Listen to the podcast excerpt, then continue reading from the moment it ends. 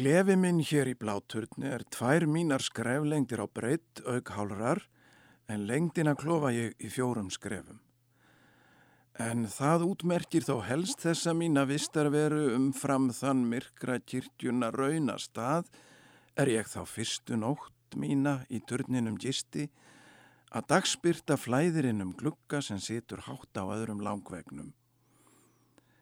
Gluggaskot er á þriðju alin að lengt, ellegar dýft, þar veggir svo þykir er á þeim voldu að törni.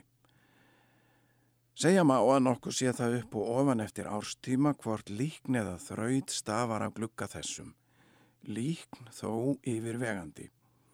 Byrtan á samt döun minna lofti vegur vel upp á móti þrautum sem helst er liggja í kuldanum, nú er vetratekur, Þar eða fyrir gluggan hafa menn hvorki gler nýja skæni sett svo að hann jafnan opin er. Egi allöngu eftir að ég innhingað var komin byrtust vaktarar á nýju og færðu mér rúmskribli á samt dínu vondri og eins konar brekáni.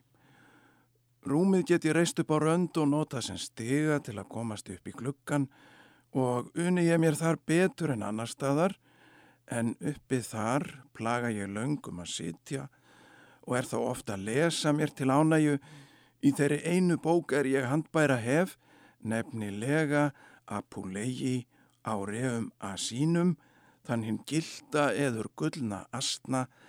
Sem ég á mér hafði er ég höndlaður var af föndunum á Kaldadal. Frista myndi ég þess, það er kátt sorglegu frásagnir að norræna ef ég penna, blek og pappir hefði.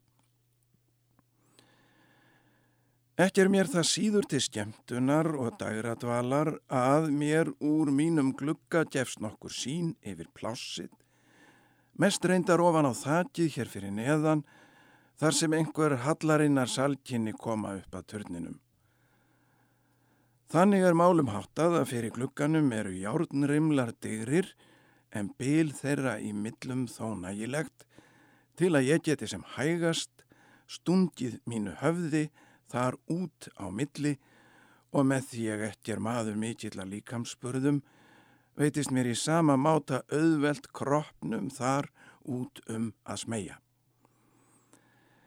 Með því rimladnir ekki alveg ist litja heldur eru settir svo sem nokkur veg innar í múrnum Hvar utanfyrir tekur við flái all brattur, beði þó ekkert annað en fall og dauði, hvers þess manns er sig hér teldi eiga greiða undankomuleið úr sínu fandjelsi.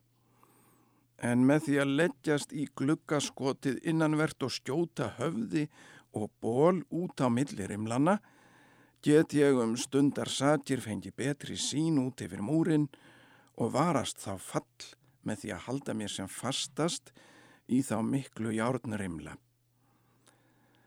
Með þessu móti get ég í raun séð yfir alldrjúan hluta af því innra slottsplási, en það líðist ekki rétt vel að ég þann veg mig um hábjartan dag opimberi og hef ég ekki í það lagt eftir að hafa eitt sem fengið um það skarpa áminningu og hótun um vist í djöbladíkinu ef slikt mig hendi á ný að ég fyndist svo út um gluggan hangandi þegar sjálfur konungurinn eða gestir hans tignir og erlendir kynnu leið að eiga um slottsplásið.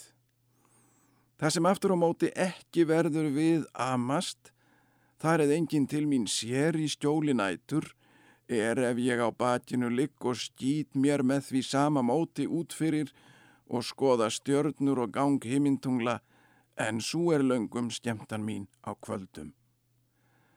Ef ég mér óta með þessum hætti út og held mér förstu taki um þá gildur rimla, get ég hort skáhalt upp til himins út undan brún gluggans þeirri henni ytri.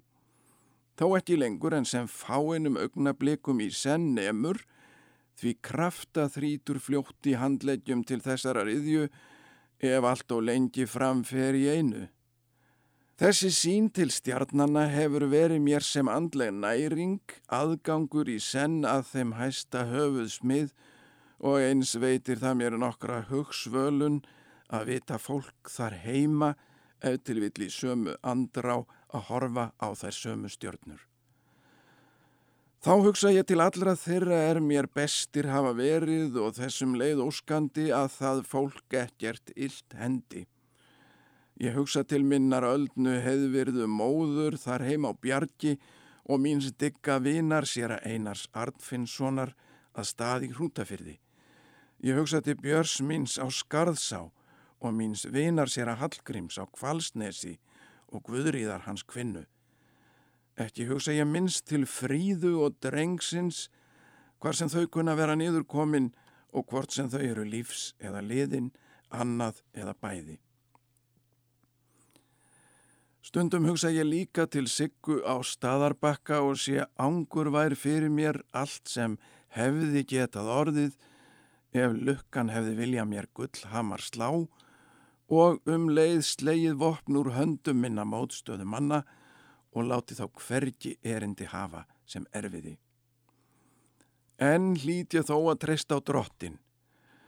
Hvað sem segja má um margar þær spurningar er ég varpaði fram í riti mínu gegn stóradómi, þá ætti það þó dagljóst að vera hverjum þeim sem það eigi með yllvilja skoðar, að þess megin intak og grundvöllur er svo útþrykkilega skoðun er fram kemur í herrans postula lögmæltu ansvari, postulana gjörningum 5, að framar bera hlýða guði en mönnum, að hvar sem guðslög og manna ágreini skuli guðslög ráða en mannalög víkja. Þau sannindi hafa að vísu að páavaldinu fyrir og síðar misbrúkuð verið, þar það kallaði sína dekreta og setningar guðslög sem í allan máta rángsnúið er. Páin er engin réttur guð og hans tradisjónes og mannasetningar því engin guðs lög ef guðsbóði andstæð eru. Ég hef spurt hver forstandur í séen sjálfur guð til að vita hvað réttast er. Hver hefur slikt réttsægi sem guð að sjá hvað skikkanlegast fer? Hver hefur slikt vald að setja skeppninni lög sem skaparinn sjálfur. Ég hef víst svo mikið sagt. Það er kvorki rómabiskup, Páinn, og ei heldur nokkur íslenskur preláti og allra síst 24 ólærðir leikmenn, svo sem þeir stóra domsdiktendur samankomnir á því herrans ári 1564 suður við Öksará. Að slíkir til þess vald hefðu að setja oss Íslandingum þann dóm um vor beðmál hef ég aldrei skilið. Í tem skil ég það ekki vel, eður fornem að sá dómur Guðs orðum vel samhljóða sé eður hans lögum samgreina. Minn tilgangur í mínu skrifi tilfærður var einasta sá að fá hvern góðlátan lesara til þess með mér að spekulera og aðtuga hvort Guðs lög vor og landsréttur fyndust hverki misljóða, svo þessi grein að ofar skuli Guðs lög en manna þyrti með þeim að skakka. Eða hvort þeim er undir slíku lögmáli dúsa sé mögulegt undan að appellera til Guðslaga og manna lögum þann veg móti mæla. Og með því maðurinn sagður er animal rationale, einn fornúfti skeppna, hafandi diskursum og rannsag til þess að ráða og bevísa eitt hlut af öðrum, þá taldi ég mig treyst geta að hans skinjugu höfði myndi kvorki ljótt þykja nýja leitt vera sannindina grunda.